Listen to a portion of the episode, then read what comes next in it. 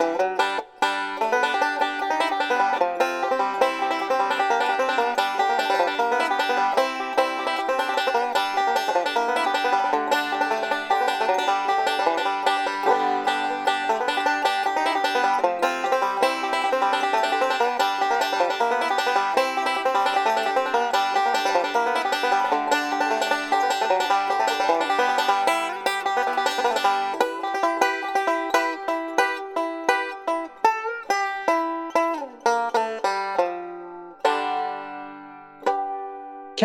Källgrens härliga banjo fladdrar ut i etern. Här är eran jaktfyr i tillvaron. Välkomna till Jaktjournalen podd. Det är jag och Andreas som håller fanan högt idag. Välkommen Andreas! Hallå, hallå! Och jag heter Mikael Moilanen. Eh, vi ska snacka lite nyheter och sen har vi en spännande grej. Lyssna här. Jag springer som fan om det behövs i sådana tillfällen. Jag står inte kvar. Jag försöker att ställa mig bakom en gran för jag, jag har varit med om tillfällen där björnarna inte låter sig skrämmas.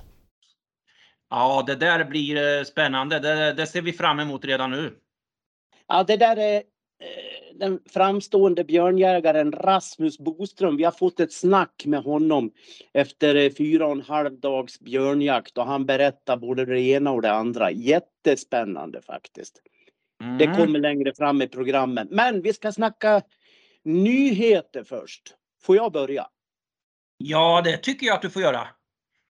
Ja, alltså jag måste lyfta fram den här björnhonan som fälldes i Ljusdal på torsdagen. Herregud, 220 kilo!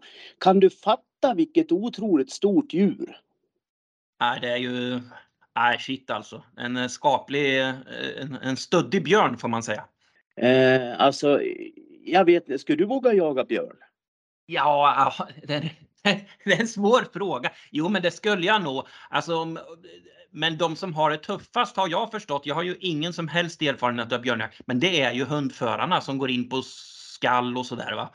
Eh, som passkytt skulle jag nog fixa. Det, det tror jag. Ja, de ska ju in på väldigt täta ställen många gånger och stå och skälla ståndskall, hundarna, på Ja, björnen. Så att det kan ju bli bara några meters avstånd och då lever man ju farligt alltså. ja och ja, precis. Man, man jagar ju väldigt nära eh, bytet i, i det läget.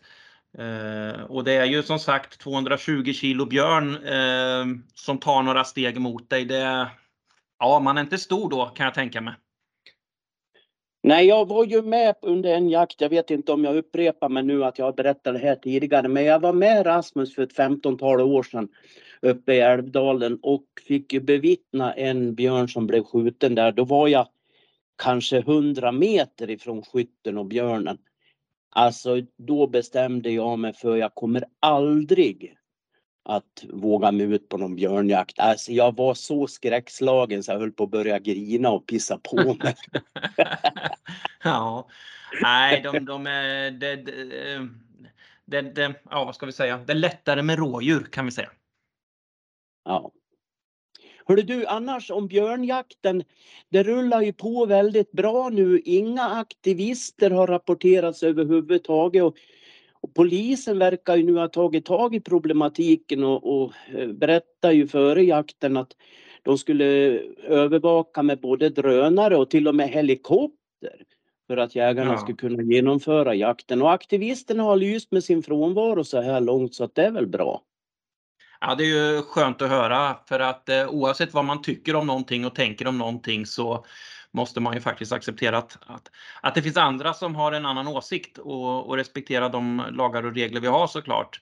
Men du, vi måste ju nämna här med Mikael att jakten inleddes ju väldigt bra. Du skrev ju, jag tror det var första dagen här på den 21. Vad matar du ut? Tre, två, tre artiklar första timmarna där. Berätta vad, vad det var en jäkla snurr på starten på årets björnjakt. Ja, det mest ögonfallande tyckte jag var att, att eh, 6.30 på morgonen då var det skjutet redan. Åtta Ja. björnar i Gävleborg. Ja, helt otroligt. Helt makalöst alltså. Ja. Men det är klart Och- att det har blivit effektivt då eftersom både åtelkamera och, eh, och hundsläpp vid åtel har blivit tillåtet. Det är väl bra att jakten är effektiv. Ja, precis. Och det där blir ju intressant eh, kanske sen efter eh, när jakten är avslutad här och se vad, vad, vad folk, jägare och länsstyrelser så tänker om det där och hur, hur det har funkat. Eh, För det känns som att det har gjort lite, ja, förbättrat förutsättningarna för hur man kan bedriva björnjakten. Jag fick lite motstridiga uppgifter här när jag pratade med dem i Dalarna för inne på kontoret i Falun så har de frågat alla jägare som anmälde att de hade skjutit en björn. Och då hade de frågat specifikt, har ni släppt hund vid åtel? Och det var bara någon handfull som har svarat ja på den frågan. Ja, Eh, Men sen pratade jag med en man som jobbar ute på fältet i Dalarna och besiktar de här björnarna och han tyckte det lät jättekonstigt för att eh, eh, han sa att han hade ju hittat Eh, ja, alltså åtelmaterial i, i magen på varenda björn. Så jag vet inte, jag vet inte vad man ska dra för slutsats av det. Antingen så har väl björnarna varit på andra åtlar och ätit då. då. ja.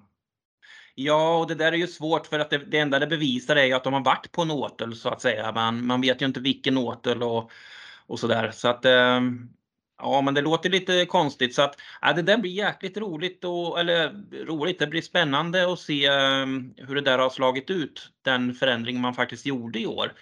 Eh, det var ju många jägare som var positiva till den här förändringen inför jakten, tänker jag. Ja, absolut. Det var ju så absurda regler tidigare.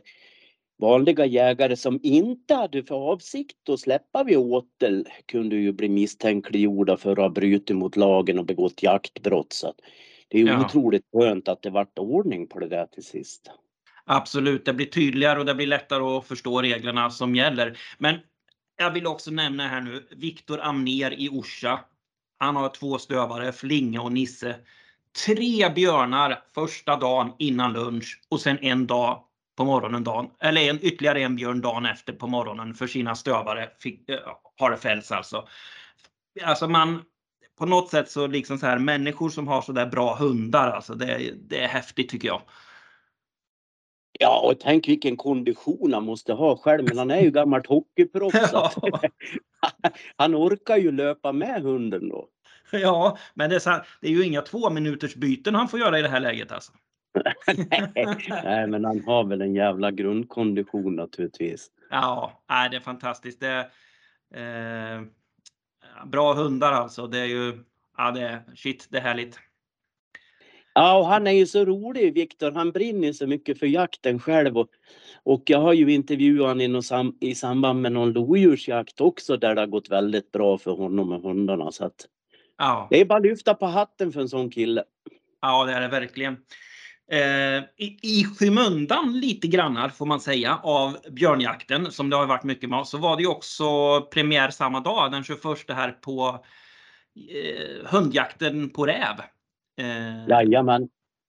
Där var det många jag pratade med som, äh, de skulle inte ut eh, på premiären. Många var på jobbet och så vidare. Och, och så där. Men eh, eh, ja, det ska nämna att den är igång också i alla fall tycker jag.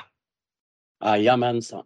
Jajamensan. Det är ju, nu väntar det ju en väldigt spännande tid här med massor av premiärer eh, när man får använda hund. Och det är ju just hundanvändningen som är så otroligt fascinerande i jakten. Ja.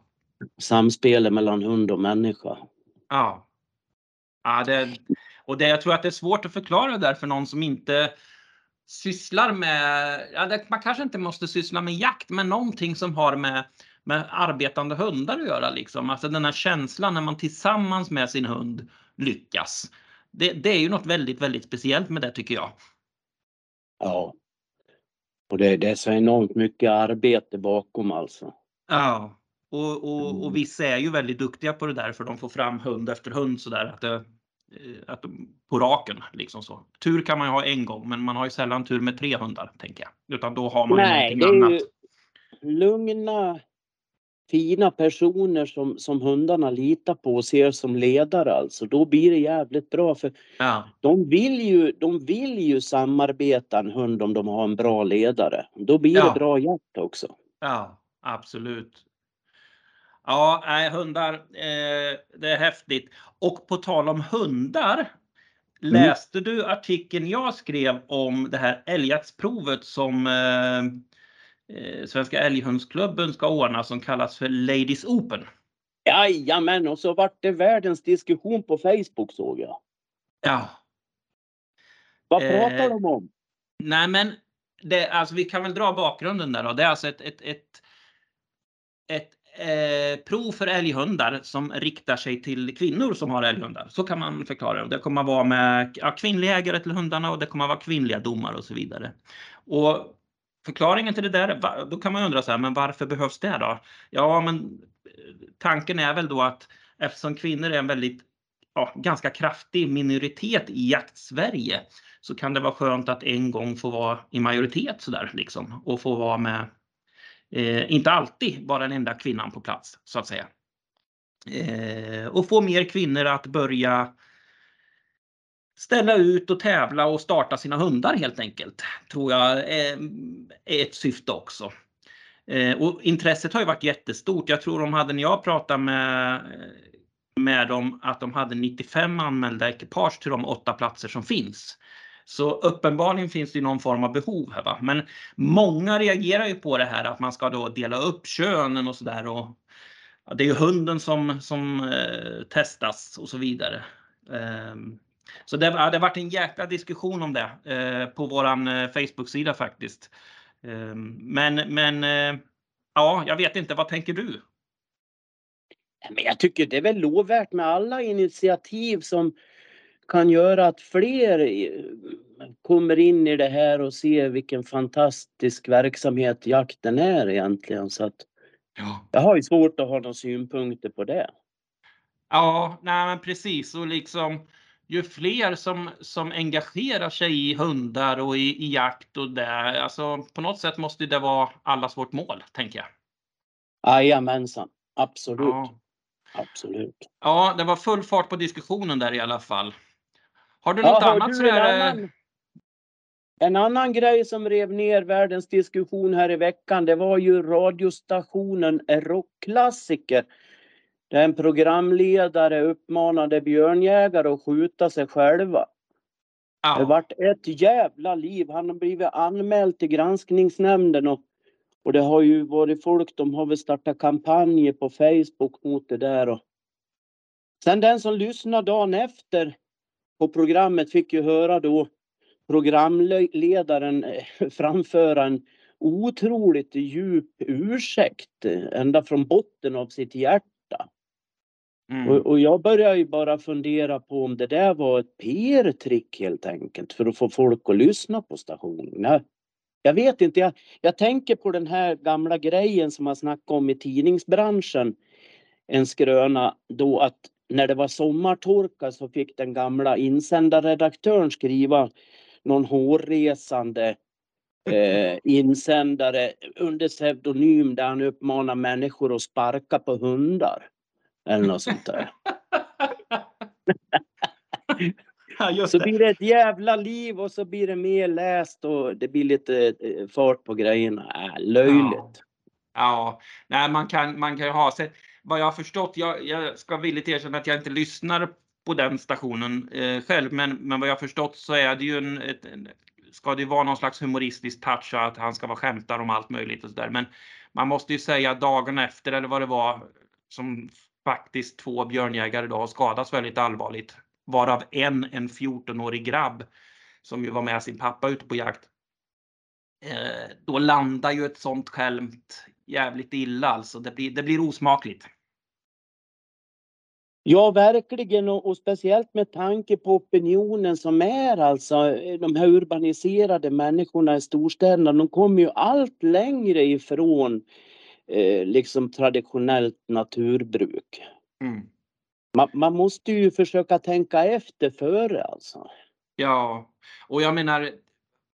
ja, men vi lever ju i ett demokratiskt land så att det finns folk som är emot björnjakt eller jakt i allmänhet. Det tycker jag det liksom, det får ju vi som jägare acceptera för att det kan man ha olika åsikter om såklart. Men tittar man på då hur på vissa värnarorganisationers sidor ser ut efter den här björnincidenten till exempel så det är ju inte snyggt i de kommentarstrådarna ibland alltså när man säger att ja, men det är rätt åt dem och liksom de borde själva få ja, de är, Nej, det, det är otrevligt är det och, och i synnerhet om man tar med i matchen att det är den ena skadade faktiskt ett, ett barn, en 14-årig grabb. Då bedrövligt är väl ett ord som man kommer att tänka på. Absolut. Hörde du, har du jagat något själv då?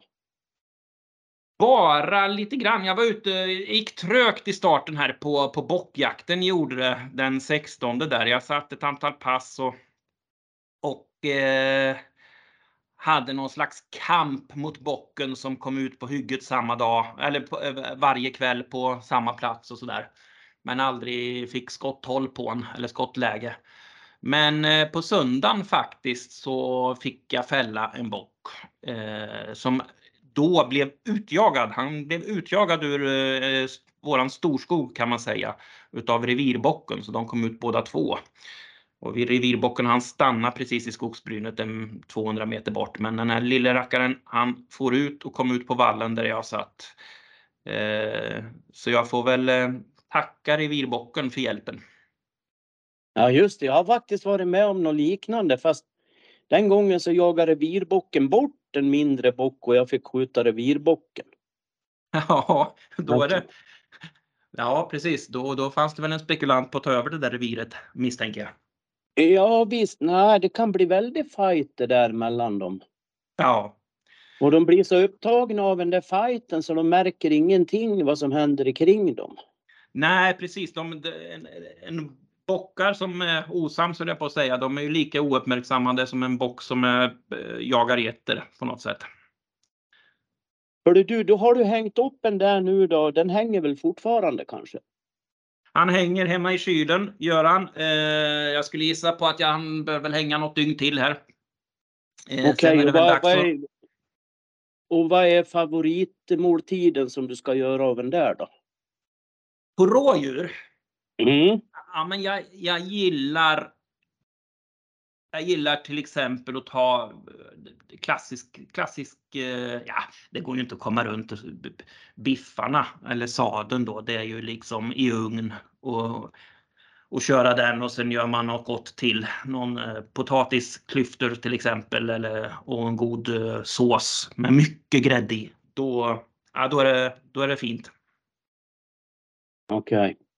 Vad, vad har du själv då? Vad, vad är det första? Vad är det du ser när du liksom lägger in det i frysen så där? Vad, vad tänker du? Det här, fan, det här ser jag fram emot att käka. Du, då tänker jag faktiskt på en gång när jag eh, la eh, ett bakben i en stekpåse. Först proppade jag stekpåsen full med eh, rotsaker och ja, allt möjligt. Ja. Eh, och sen eh, stoppade jag i, vad heter det, ett helt baklår så att benet stack upp liksom ur påsen. Och knöt ihop och, där uppe då på något sätt? Ja, Såklart. precis. Och sen en 165 eh, grader, 160-165 grader. Det blev helt fantastiskt. Ja. Ja, det, det, det är också det... Du vet det där, våran chef propagerar ju för stekpåsar och jag håller helt med henne. Ja, hon är, hon är ju fanatisk stekpåseperson alltså. Det får man ju ja, säga. Precis. Och där håller vi med. Hon har helt rätt. Ja, eh, som alltid har, har hon rätt, säger vi. ja, exakt så, exakt ja. så. Eh, nej, men, eh, nej, men det är kul med mat, men jag kan ibland känna att jag eh, är liksom tråkig när det gäller att laga mat. Alltså jag tycker viltkött så här salt och peppar och, och, in i ugnen liksom och, och, i bra temperatur. Det blir jävligt gott alltså. Men ibland så skulle jag vilja vara mer kreativ och göra nya saker eh, med köttet. Jag, jag, vet inte vad man, om man ska gå någon kurs kanske, någon matlagningskurs. Det finns ju en del sådana där med inriktning mot vilt. Det är Ehm, ingen, ingen dum idé och e- e- ett enkelt sätt det är ju att kontakta någon duktig matlagare och så gå ihop själv och prata med ett studieförbund på orten. Är Ja, man fe- fem, sju personer eh, så vad heter det, kan man ju säkert få till en sån där och, och då får ju kursledaren lön också via studieförbundet så att precis. Nej, det är en bra idé alltså för att det, man kör fast ibland kan jag känna. Det, jag tycker det är kul och på sommaren då blir det ju grillen och lite älgbiff och sådär. Men, men ehm, ja, någonting roligare. Jag, ibland så har jag fått för mig att jag ska göra lite skav på, på rullen till exempel och sådär. Det, det är trevligt men men eh, inga jätteutsvävningar. Eh, sådär. Och så ser man på andra som lägger upp och de gör alla möjliga häftiga saker. Det, äh, fan, det där, jag måste ta tag i det. Jag måste bli, jag måste bli en bättre kock, tror jag. ja, det kan vara en ambition. Hörru du, ska vi släppa på Rasmus Boström nu? Ja, nu är vi fan nyfikna alltså. Ja, vi gör det. Mm. Här kommer han. Rasmus Boström, du är ute och jagar björn för fullt eller hur är det med den saken? Ja, som det är just nu så är jag ju fortfarande hemma och då har jag ju eh, det, jag har ju jakt i område 1 som det heter då, alltså Särna och Idre om man säger så. Då. Område 1 Dalarna. Eh, men idag har vi väl inte riktigt haft någonting intressant och gott på. Jag vet inte. De som är med där har väl äh, egna hundar att springa med såklart. Så i avvaktande på det så är vi faktiskt ute och provar ett vildsvin jag och några kompisar som råkar befinna sig här på Älvdalsskogarna. Men äh, släpper du dina hundar på vildsvin?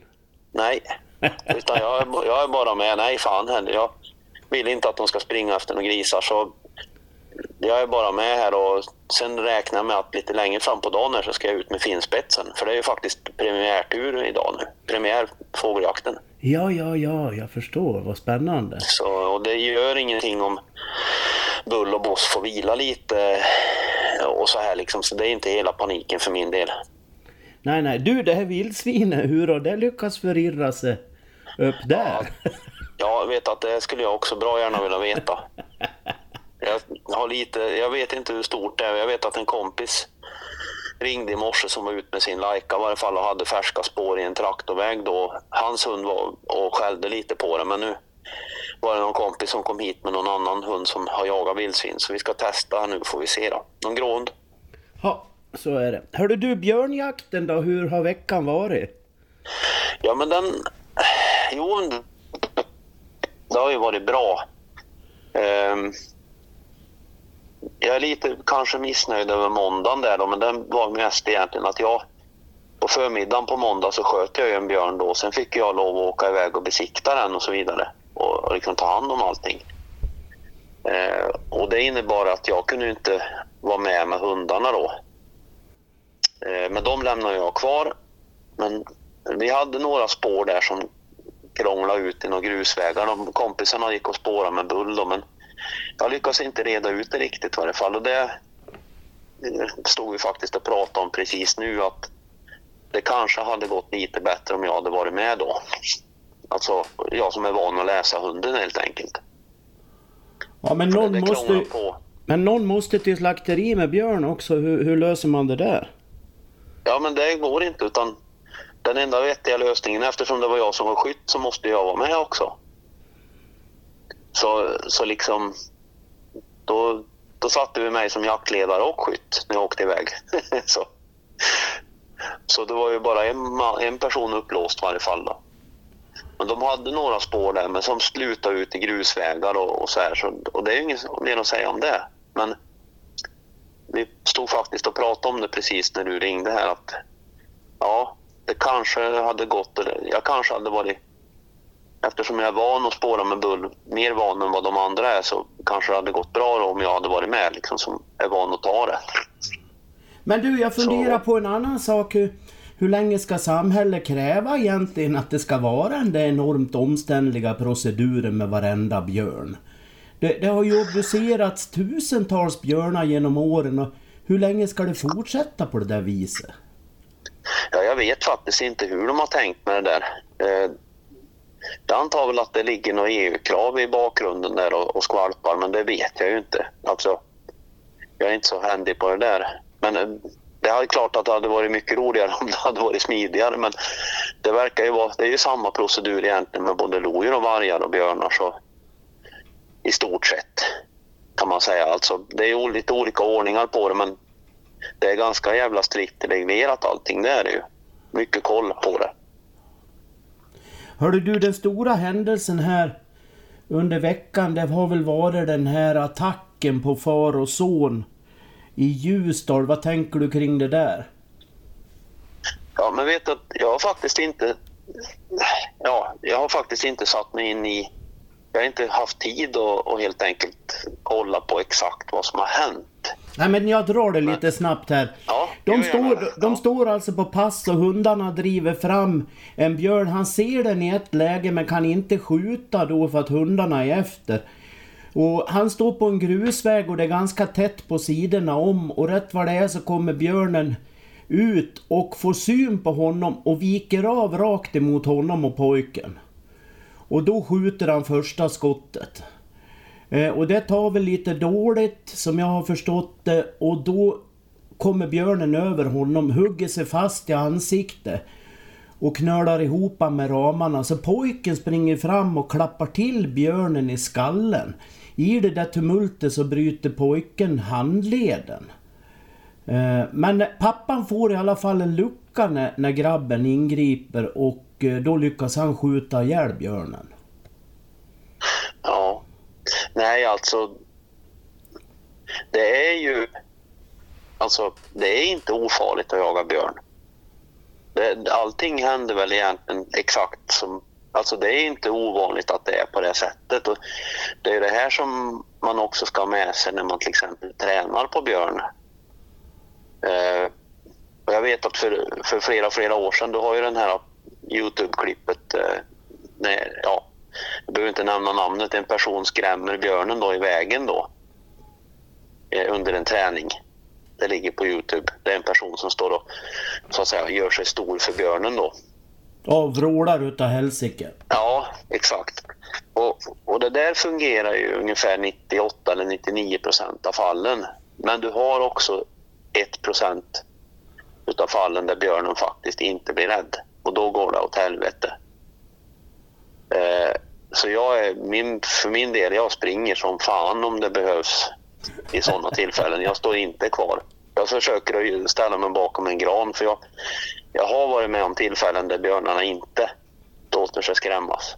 Jag hade faktiskt en björn för massa år sedan som alltså sprang in i min bil när den stod still. Så den knockade sig själv så den domnade, alltså den tuppade av. Och det, det var ju att den attackerade bilen. Ja. Men eh, hur som än med den saken. Eh, nej men jag är väl bara jävligt glad att de klarar sig, att det inte blir värre. Det, det, är, det är väl inget mer med det. Men det är jättetråkigt att det händer, men det är inte riskfritt att jaga björn alla gånger heller. Alltså det, det måste man ha med sig. Om en björn hamnar i ett läge där han liksom känner att han ska ta, så att säga, ta hand om problemet, då försöker han att göra det. Och, och, det där vet man aldrig från början riktigt vad det är för någon björn. Utan när de kommer ut och så, liksom, så ser de en människa i vägen eller på pass till exempel, då, då, då kan det hända att den liksom är så uppvarvad så att de liksom känner att nu jävlar alltså, jag måste ta hand om det här för att komma undan och, och klara mig. Det, det är åtminstone, jag tror inte att en björn tänker så, men jag tror däremot att effekten av det blir det. Eller konsekvensen. Just precis. Ja, de verkar ju överleva den där attacken. Pappan är väl illa biten i ansiktet. Det kommer väl att gå åt en del kirurgi för att få någon ordning på det där tänker jag. Men värre är ju det drevet som har varit mot pojken och pappan ute på internet. Du som har varit med i hetluften så länge Rasmus, hur, hur har du klarat det ifrån hat och hot? Ja, alltså jag har ju egentligen inte haft varken hat eller hot någon omfattning. Eller liksom det har varit någon person som har hört av sig och då har det faktiskt varit fråga om vargjakt framför allt. Och det, det har varit, ja rent sagt någon idiot bara som har hört av sig och typ att man ska passa sig och sådär. Ja men vi får väl se, de får komma hit. så får vi se vem som klarar sig.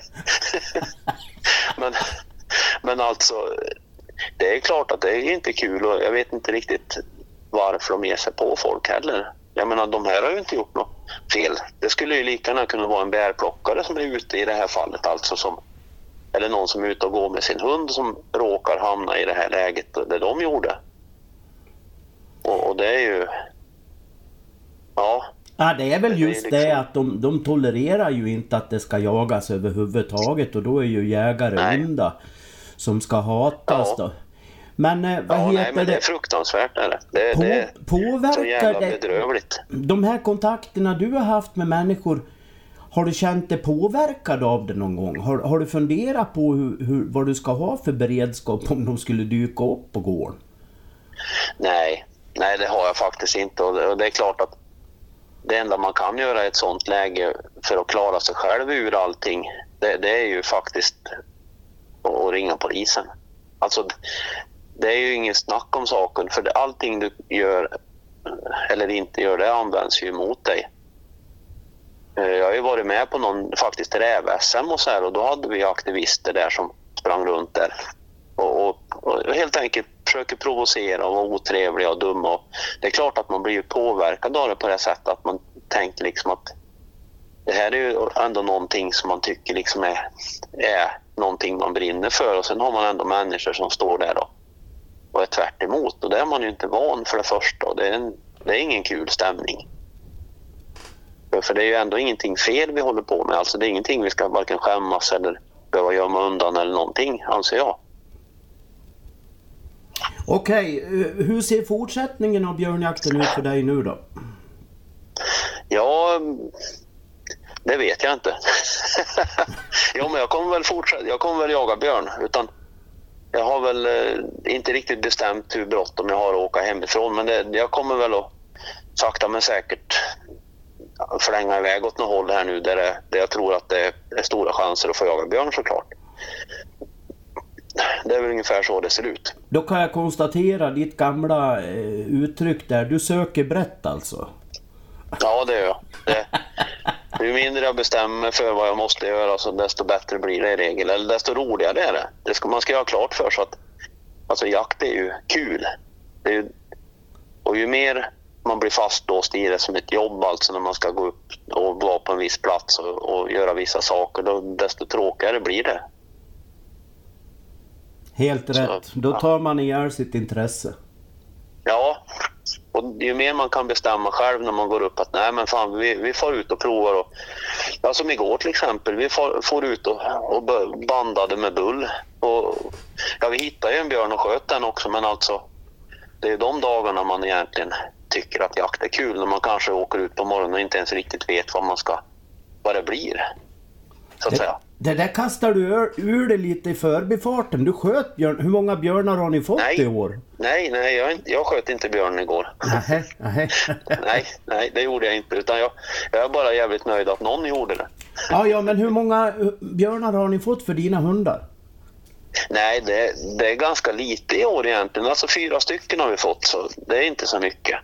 Oj, oj, oj. oj. Utan det är väl liksom, ja, som för min del, det är ingen tävling utan det, det, är väl, det viktigaste är att det är bra jakter och det framförallt det riktigt, riktigt, riktigt roliga utav allting det är att vi har haft med unghundar vid flera tillfällen. Alltså kompisars, ja en lajka i det här fallet och en, en finstövartik i det andra fallet som har fått vara med och fått chansen och, och ja, nära oss mulle helt enkelt och det tycker jag är roligare än någonting. Ja visst alltså, det, och det är ju viktigt att unghundarna får komma in och ta lite plats. De kan ju inte vara fullfjädrade direkt utan de måste ju få lite utrymme. Ja, vi har ju några hundar som är i det där läget av livet där de måste liksom växla upp eller växla ner. Som är typ alltså runt treårsåldern där kring. Och ja, vi hade ja, en, till, en till hund igen, just där Kenzo, en finstövare. Han var ju också med på en av björnarna. Eh, och han är också fyra tror jag han var, fyllde. Så grejen är att då, det är ju det som är roligare tycker jag, liksom nästa generation. För det, har man inte det så dör ju allting. Fantastiskt kul! Du, nu ska inte jag uppehålla dig längre utan du ska få gå ut och jaga ditt vildsvin. Ja, och sen blir det fågeljakt. Om inte det blir något annat. Skitjakt på det! tack, tack. Hej! Hej!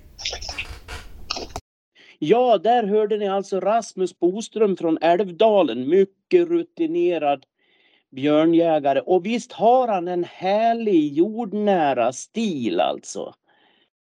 Han är, han, är inte de sto, han är inte de stora ordens man liksom sådär utan det, det är väldigt eh, enkelt tycker jag. Ja, helt klart. Och snacka om rutin. Var han inne på 29 året? Eller vad var det? Ja, precis. Ja, det, ja, det, det är kul att höra de där rutinerade rävarna. Själv vill han ju inte gå med på att han har jagat 29 år för han säger att det gick inget bra i början. Men jag säger som Ulf Lundell att även en inställd spelning är en spelning. Även en misslyckad björnjaktsäsong är en björnjaktsäsong, eller hur? Absolut.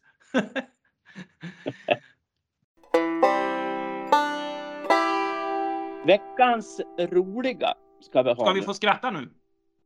Ja, skratta, vet du, skrattgråta eller gråthulka eller jag vet inte men, men veckans roliga kan vi kalla det i alla fall. Eh, Det är alltså Magnus Orrebrandt, eh, Svenska Rovdjursföreningen i P1 Morgon.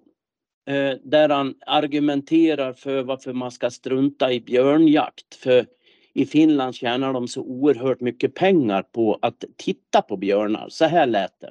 Varför jobbar vi inte med ekoturism i Sverige? Finland tjänar hundratals miljoner om året på björnsafaris. I Sverige skiter vi det fullständigt. Ja, där hörde vi Magnus Orrebrandt i P1s morgonprogram. Hörde du, Andreas, tror du att det där kan vara sant? Kan det komma så mycket folk till Finland och vilja sitta i kojor och titta efter björnar så att landet skulle få in hundratals miljoner? Alltså siffrorna låter ju helt osannolika, det, det, det måste jag tillstå. Eh, Det finns säkert ett intresse hos en och annan och, och, och bara titta på björn och även på varg och som precis på samma sätt som du gör på för såna här älgsafarin och älggårdar och sådär. Men, men hundratals miljoner alltså. Ja, vad säger du? Ja, alltså jag har försökt att kolla den här storyn själv tidigare. Jag har pratat med finska myndigheter. De har ingen exakt forskning eller beräkning på det. Men alla jag talade med sa att det var helt orimligt höga Mm. siffror. Eh, nu har Ja. jag tipsat P1 Morgon om eh, att de kan gräva i det där för att se om de kommer med någonting. Ja. ja, det är bra. Det, ska bli, det blir intressant att se om de nappar på den, eh, på den pucken. Men man kan ju också konstatera att det även i Finland jagas björn. Jajamän. Eh, det, jag skrev ju faktiskt en nyhet för ett tag sedan här som handlar om det här med acceptans för jakt. Eh, där man har undersökt både i Sverige, eh, i eh, Danmark och Finland. Och i Finland, eh, där hade man också ställt frågan faktiskt eh, om- som handlar om rovdjursjakt och även acceptansen för att man förvaltar eller eh, inställningen till att man faktiskt förvaltar rovdjur med, eh, med jakt är, är hög i Finland. Så att ehm, ja, det finns uppenbarligen ut, om, om, om det nu är många som vill titta på björnarna så finns det uppenbarligen utrymme för båda, båda delarna så att säga. Precis, man, det, det, man kan ju inte döma ut Orrebrands uttalande här heller. Då skulle man ju kunna lägga fram hårda fakta då, som motbevisar honom. Men, men eh, jag skulle i alla fall vilja se vad de har för belägg för det här påståendet. Ja.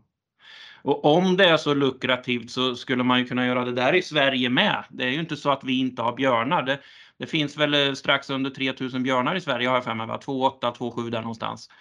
Ja. Eh, och den där nivån har ju legat där några år.